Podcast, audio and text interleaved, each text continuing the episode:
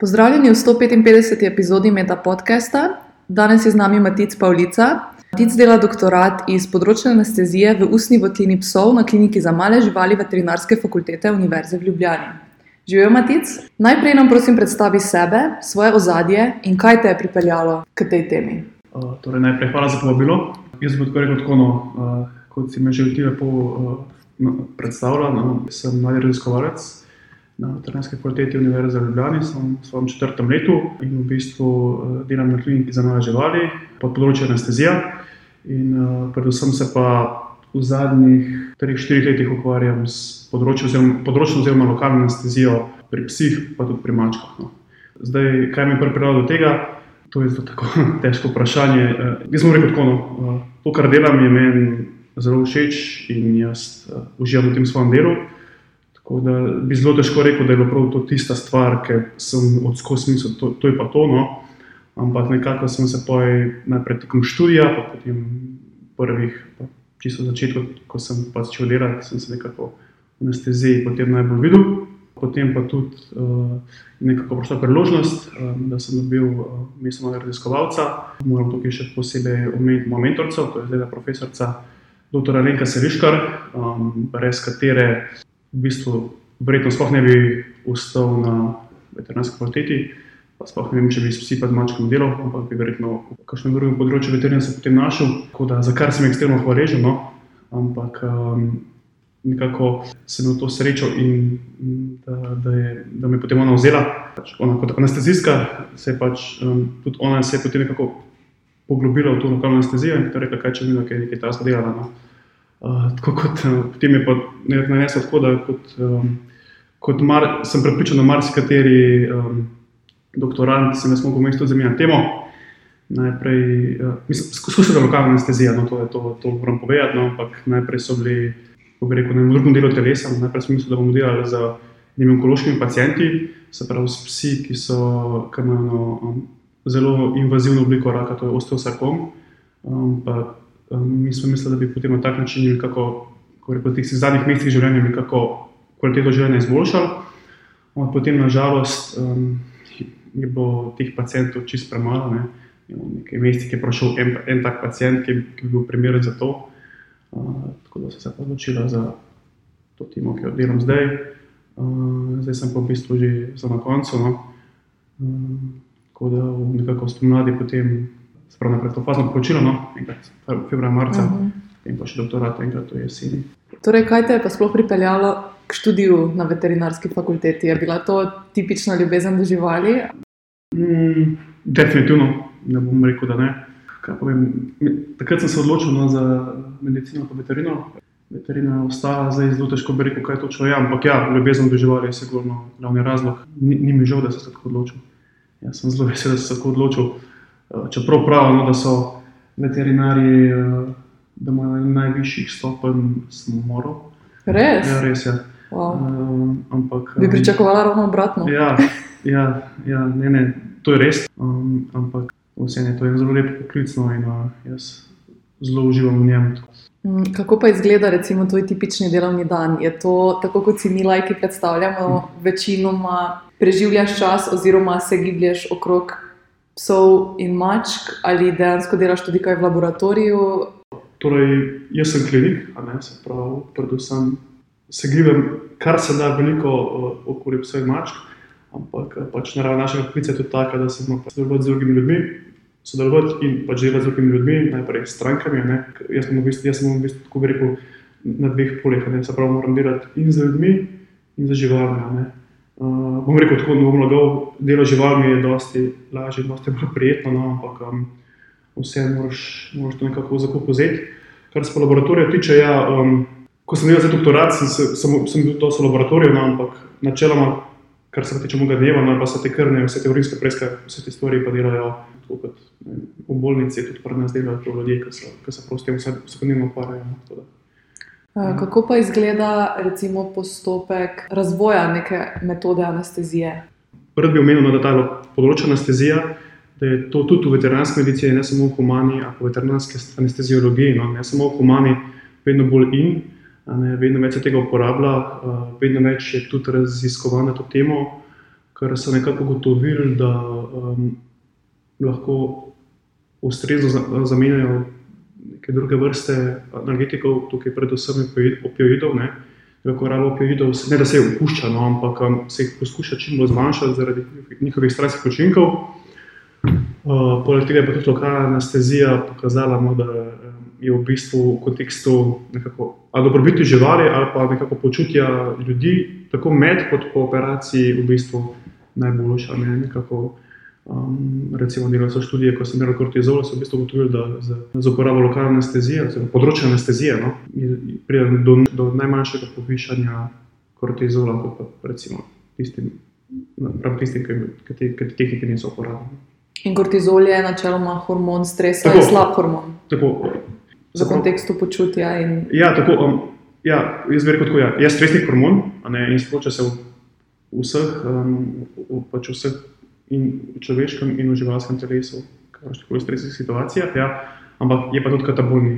Jaz, jaz ne bi rekel kot, kot slab, ampak ne želimo ga imeti uh, v neki res visoki količini, pa predvsem pa ne želimo imeti um, nekako dolgotrajno povišeno koncentracijo kortizona. Recimo tudi um, ljudje, ki so se zdaj skozi več ur temu burnoutu, no, vrednosti kortizola, da je konstantno visoke. Um, ja, jaz bi rekel, jaz ne bi rekel, da je slab, sigurno ga rabimo v takih resnih situacijah, no, ampak ne želimo ga imeti pa visokega, oziroma predvsem jaz tukaj to davšem, ne želimo ga imeti visokega skozi daljše časovno obdobje.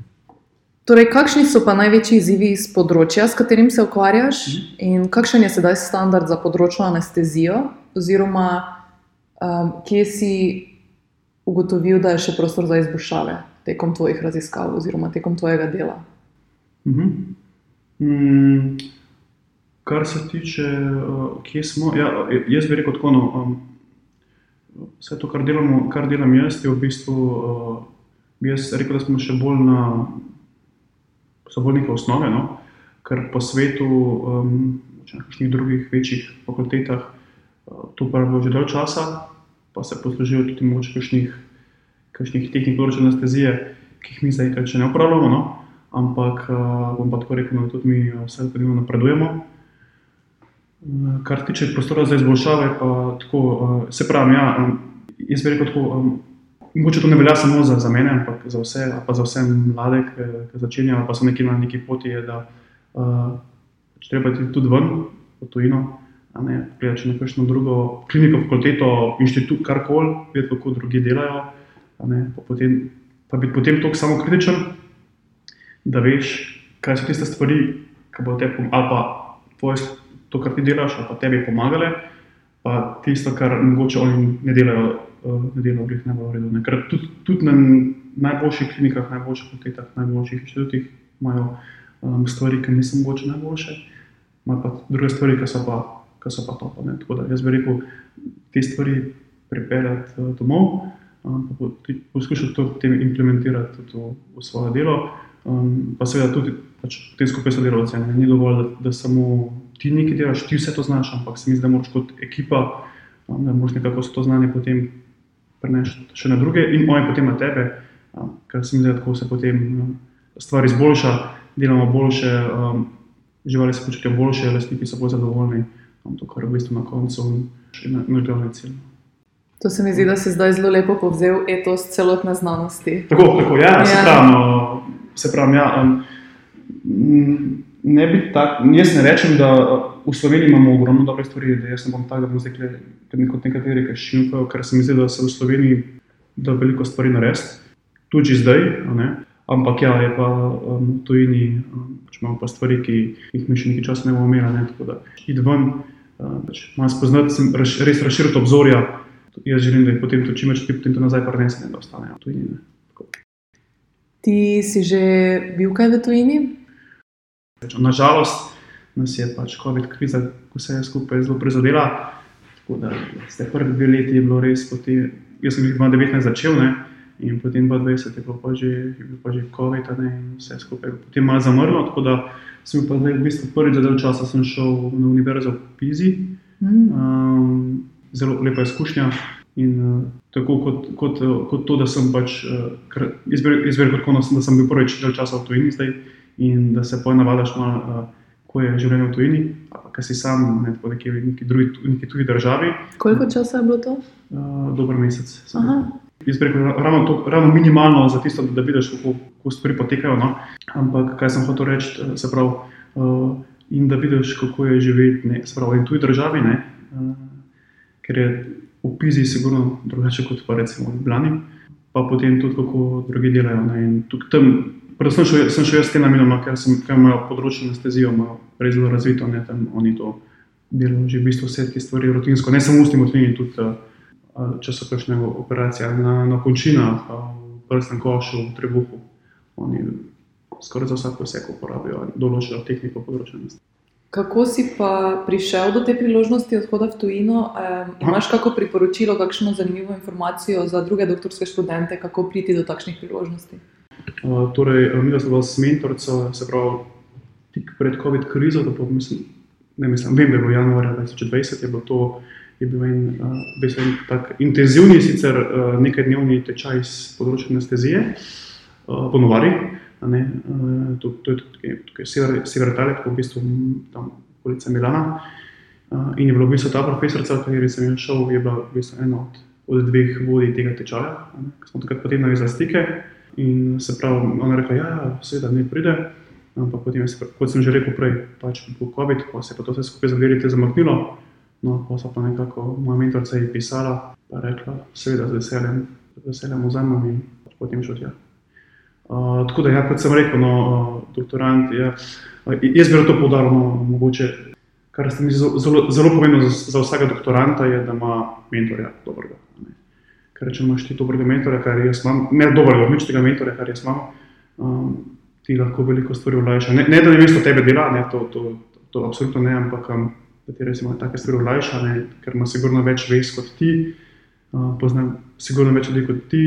Eh, da ti take stvari olajša, pa neke, nek, neko stvar, nekaj, kar ti rabiš, recimo za, za svoj doktorat. No, on tukaj eh, stopi vmes, pa da on to uredi, kar kot azga. Ali pa da mora navezati stikom z enim človekom, ki bo delal neko preiskavo, ki ti ne moreš narediti, kar kot azga. To se mi zdi zelo pomembno, da, eh, da imaš tega tega človeka v sebi, ki ti na tak način pomaga. Da, um, to bi bil moj v bistvu tak, um, bi res rekel. Um, Pomemben, ampak splošen na svet. Ja. Tako, pomemben, tako, zelo, pomemben, rekel, jaz, zelo pomemben aspekt um, doktorskega študija. No? Tako da, um, pravi, če imaš ti dobrega mentorja. Ja, tudi jaz bi se strinjala s tabo, tudi jaz sem v četrtem letniku mm. in bi prav tako rekla, da v prvi vrsti izberi mentorja, ne teme. De, se strinjam, ne 100%, 120%, definitivno. Uh, meni se sicer ne zdi doktorat tako, no, da bi bil da bi ti lahko biti ekstremno pameten, nek, ne vem, neko visoko IQ, ne, je pa ogromno dela. Ne. Ogromno neke organizacije, ogromno nekega dela, ne, in če tega nimaš, ali pa da ti to imaš, ne, pa da se potem, ko boš prijel, pač priješ vedno do kakšne določene točke, iz, iz katere um, ne greš, ne priješ najlažje, ne, takrat je prijel, da, da imaš enega v sebi, ki ti, ki ti to pomaga, ne, ki te bo čez to spravil. S svojimi izkušnjami vodil tako, v pravo smer. Ja. Okay. Jaz bi mogoče zdaj uh, samo še nekaj povedal. No. No, kaj, kaj bi si jaz želel, sicer to pri meni ne bo, pri tebi ne, ker smo že tako naprej. Ampak um, če bodo slišali to, ki ima to moč, uh, kar jaz mislim, je, da um, bi se mogli ta um, mali raziskovalce njihovo delo bolj primerno obrednotiti. Ne? Nekoč, pa bomo rekli, ne, deset let nazaj so bili raziskovalci, bilo to dobro plačeno delo za takratne razmere. Ne? Zdaj je pa sicer je še vedno, še vedno isto, pač so še vedno isto, ampak so se pa življenjski stroški v 30 letih zelo povišali. Um, jaz bi tukaj apeliral mogoče na nekoga, če bo to, upam, da bodo to slišali, kakšen tak, ki ima to moč, da lahko to kaj uredi, da se pa sistemsko uredi, da bi se tudi malo reskovalcem. Uh, se pravi, jaz bom rekel, kar tako povišal plačo, ker so, so preniske. Ja, se strinjam, bo rekel, ja, bo, bo, bo rekel, da ja, pa se vam plačamo doktorat, pa vse to. Ja, to je res, to, to, to je vse resno, ampak ne, um, tudi tvoje. Ne, um, ne more biti, ni tvoje življenje samo doktorat, ne, to ne more biti. Jaz mislim, da če je človek uh, v življenju zadovoljen, bo tudi potem boljše delal. Boljše delal in tudi doktorat bo boljše šel.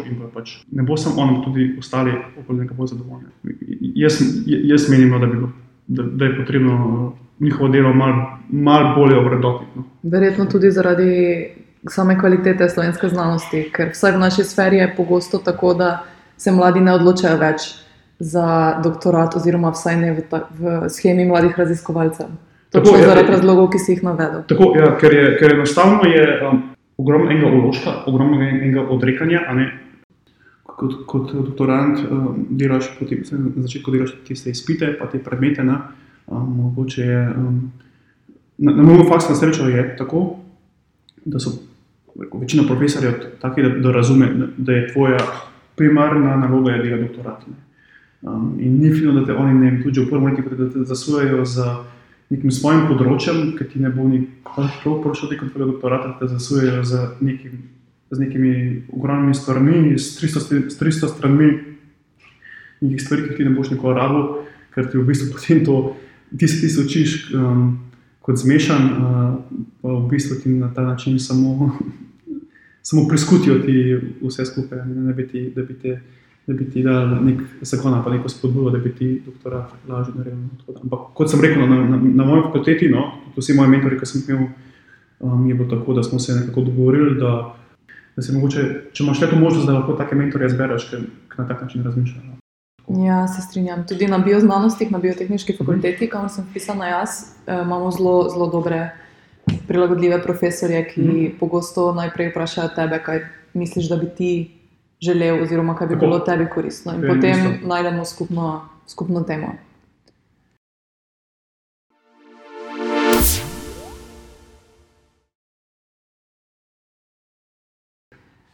Ali se spomniš kakšne zabavne ali zanimive anekdote povezane s svojim mentorjem? Uh, kot sem, že prej, kot sem nekaj nazaj govoril, smo v Novarino, um, smo imeli druga, tretji dan, smo imeli večerjo skupno. Ne, se pravi, to, ko bom povedal, tam so bili v bistvu ljudje iz cele Evrope, ne, ne samo italijani, pa slovenci, so tudi španci, pa rusi, pa mislim, da francozi. No. Tako da iz celotne Evrope, no, in smo pač neko skupno večerjo, ne, in mu da vsaka kako reče, delegacija na oder postavljena za, pe- za peteno pesem. ne. In uh, jaz, uh, itak, ne, mi smo bila samo dva, se pravi, ona pa jaz, Uh, ok. Mekalca pa jaz, ne, tako da nas ni bilo 15, a ne, da bi se lahko skril. Velika odgovornost. ja, ja. Tako da uh, jaz sem se na vse pred tega trudil, da, da mi to ne bi bilo treba, ne, pa sem šel na WC in spal, ne, kaj še vse sem delal, sam da mi ne bi koga poklicala, ampak sem vseeno mogel iti uh, in sva uh, gor zapela uh, moj črni kon, uh, ne rabi, ne rabi Uzde. uzde.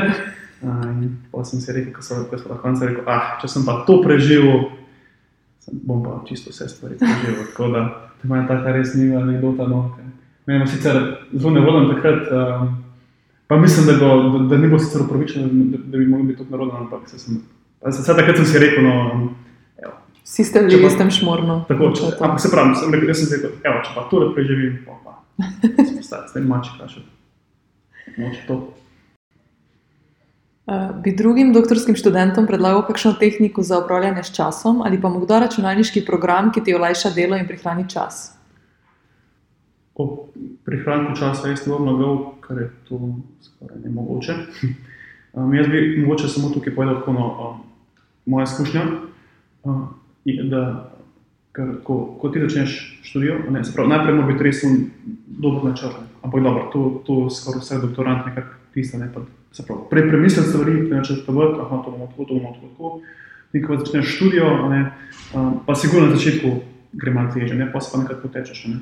Ampak um, kaj bi jaz tukaj dodal, je, da nek se vsak dok- doktorant najde nek svoj sistem, ki mu ustreza, ki mu ne povzroča, ki mu povzroča čim manj stresa in nekako s tem sistemom um, nekako obstaja in uh, se, se, pravi, se drži tega sistema in potem sistemu dela in um, nekako, da, da vse tiste podatke, ki jih, ki jih, uh, ki jih ima, jih zbere na enem mestu. Se pravi, jaz sem imel, kar, kar je bilo pri meni, jaz sem imel pač fasciklen in za vsakega pacijenta sem imel svojo kartoteko, ne, pa sem noter vsi podatki, ne, anamneza, hemogrami, vsa kri, vse, vse te izvidi, ne, od, od označevanja uh, ne vem, vzorcev naprej do, do tega, da potem na koncu te uh, rezultate čim prej uh, nekam uneseš. Ne, ker, ker pol, ki se ti nabere, zdaj spet odvisno, koliko teh vzorcev um, pacijentov karkoli imaš, ne, ampak če moraš to potem delati na koncu naenkrat,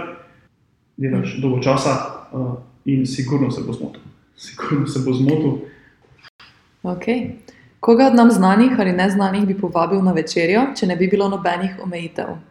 Uh, ja, torej, to, tem vprašanjem sem jaz dosti razmišljal, pa sem se tako odločil, da um, jaz bi pač povabil na večerjo ljudi, ki me podpirajo. Da, um, zdaj, jaz mislim, da je prav, da jih poimensko povem. Ne, prav, najprej povabil na večerjo, ker to moram povedati uh, svojo punco, Martina Cimerman. Okay, ja, brez staršev itak ne bi šlo, potem pa še, uh, prav, še moja mentorica, zdaj na profesorico, kot je neko sebiškar um, in celotno anestezijsko ekipo, sprav so moje sodelavke, um, brez katerih mi bi bilo dosti težje delati v službi. Um, pa potem moje prijatelje, tako da si žive Dodič, um, še Petek, Tečeve, Matic Bilban. Um, to so taki, to so ljudje, ki so mi, um, ki so mi um, res v zadnjih letih skozi staro strani. Pa mogoče bi se samo še, samo če sem še enega človeka pozabil, no, um, to je pa v bistvu ena naša tehnica, ki dela na kliniki, ki je prav vsi mama, ne, ker, je, ker je v bistvu nekako, ne samo meni, ampak je tudi uh, mnogim drugim sodelavcem nekako malo še ne vem, kaj sploh. Je še ena taka, brez katere bi bilo meni tudi dosti težje. Katera stvar ti je tekom doktorata prinesla največ veselja in izpolnitve? Mogoče dve taki časovni točki. Prva je bila ta, da sem zaključil študijo, se pravi ta zadnji pacient, ki sem ga naredil. Takrat mi je res odlegel. Res, res ogromno truda in ogromno časa v to vloženo. Um, se pravi, mi delamo z lastniškimi živalmi, se pravi, to so ljubljenčki. Dosti ti, let, kot mi je ena stranka rekla, da ona rajši da sebe v raziskav, kot pa svojega, svojega psa. Tako da, če se lahko na to navežem, ne, um, jaz sem, jaz bi tukaj povedal, tako, da jaz sem vsakem svojemu pacientu, vsake svoje vsake stranki hvaležen, da mi je pustil, da sem lahko študijo naredil da, se, da bi mogoče, da se sploh študijo naredil nekaj preveč. Se pravi, brez njih študija ne bi bila mogoče, no, ampak je bilo pa res, predvsem to nabiranje pacijentov mi je, mi je področil um, res stresa, ne, ker v bistvu sem jaz vsaka stranka posebej poklical, prosil in razložil, kaj, s čim, kaj, kaj bomo delali. Ne.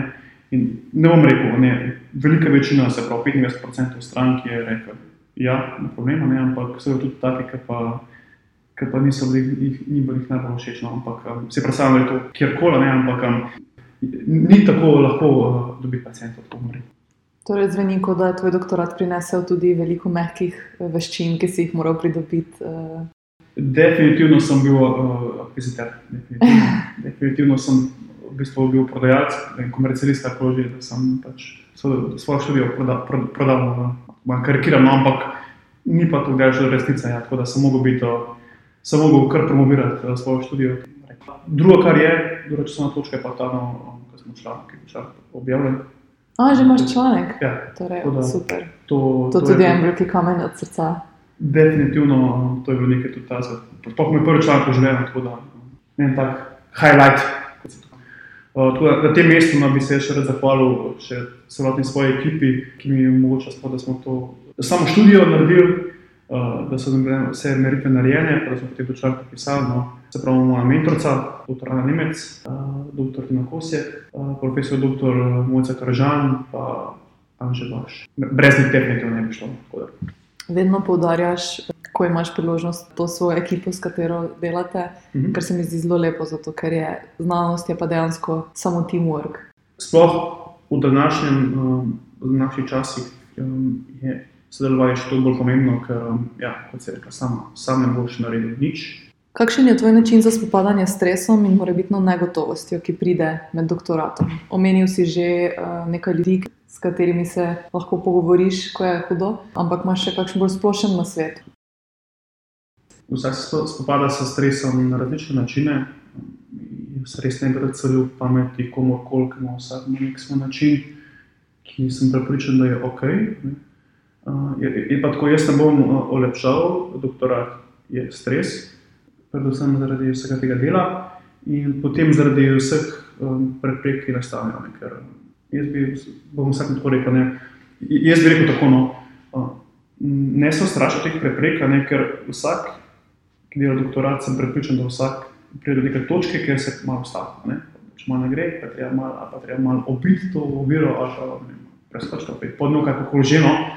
Um, predvsem, pa, predvsem jaz bi rekel, um, ne se, ne, ne, ne takrat upati, ampak takrat še bolj zagrista, ne, pa reči, ok, se bo, bomo rešili, um, pa iti naprej. Ne. Kar se pa tiče spopadanja s samim stresom, jaz, jaz, jaz sem imel, menim je to, ja, kot si že sama rekla, en ljudi, ki, pač, ki te podpirajo, sigurno. Kaj, kaj, kaj jaz mislim, da je um, za splošno, kar se tiče stresa, je to, da, da delaš ti, um, ko nisi v službi, ko ideš do doktorata, delaš nekaj čist diametralno nasprotnega, kar ti. To se mi zdi najboljša, najboljši uh, način za sproščanje stresa. Kaj, uh, vsa, a pa vsak mora, mora poiskati tisto stvar, skozi katero lahko ta stres najbolj sprošča. Mm -hmm. Ne vem, kakšne imaš ti izkušnje. Imáš podobne kot jaz? Ja, jaz imam podobne, podobne izkušnje kot ti. Jaz, eh, dejansko za mene je zelo uh, veliki ventil šport mm, in pa druženje z ljudmi, ki so mi blizu, tako kot tebi. No, ja, se, pa, istem, se zelo strinjam. Ja. Se, se, se, mislim, da smo vsi vsi v tem. Ja, je pa tu tudi lahko zelo pomembno, um, kako k temu pripomore mogoče delodajalec oziroma inštitucija, za katero delaš. Recimo, prej si omenil tečaj salse, non-kemijski inštitut. Um, V bistvu priredi tečaj salsa, tečaj joge, subvencionira razne športne aktivnosti, kot je odbojka. Um, tako da to je lahko tudi ena dobra spodbuda za doktorante in druge zaposlene na inštituciji, da se udeležujejo kakšnih takšnih. Definitivno se strinjam, če imate tako del, jaz nažalost imam, no, ampak če imate tako delavce, je to odlično. Okay, in še zadnje. E, če bi lahko bodoči doktorantki oziroma doktorantu dal en na svet, ki si želiš, da bi ga prejel sam, kakšen bi bil? Prej si omenil že izbira mentorja. Prva stvar, definitivno. Druga stvar je, jaz ne rečem, da to ne gre, no, ampak da se, da se mora človek dobro premisliti. Ali je to za njega, se pravi je vložen res ogromno truda, časa, ne, da vsak pač predtem premisli, um, kaj, kaj, kaj si on pravzaprav želi v življenju. Um, če jaz nekako govorim za sebe, ne, um, recimo, da bi imel, da si ne predstavljam, da bi recimo, recimo, da imamo še dva, tri otroke, bil doktorat, pa še zdravo, še neko, to, kar delam, recimo, bilo tu neko. Spravo, da govorim za sebe, jaz mislim, da, da ne bi šlo da mora biti pripravljen, pač, da, bo, da bo mogel res veliko tudi doložiti. Ne, tega, kar nam se mi zdi, da v današnjem času manjka, pa da sem časa. Ne, mm. Nekaj časa vloženega, ne, časa imamo itak vsi skozi premalo, čisto vsi. Ne, in, um, zdaj, pa, če moš ti potem doktoratu posvetiti um, ne, večino svojega dneva. Jaz bi mogoče dodala, da hkrati seveda ne smeš doktorata imati zlahka, ampak hkrati pa ga tudi mogoče ni pametno vedno imati preresno. Mm, ja, pa tudi škoda je, če te ne žene, vsaj malo neka ta radovednost, pa neka ta igrivost do tega, kar počneš, potem je res škoda vsega tega vloženega časa in absolutno, energije. Absolutno. Ok, Matic, najlepša hvala. Sva ogromno povedala in res mi je bilo užitek se pogovarjati s tabo. Tako da hvala. Ja, hvala, Nahlo, še enkrat, jaz bi se še enkrat zahvalil za povabilo, no? zelo prijetna izkušnja. Tako da jaz upam, da bo čim več uh, ljudi slišal pa da bo mogoče tudi kakšen, ki odloča. Da, bo, da bojo ljudje raje še za, se za to odločili.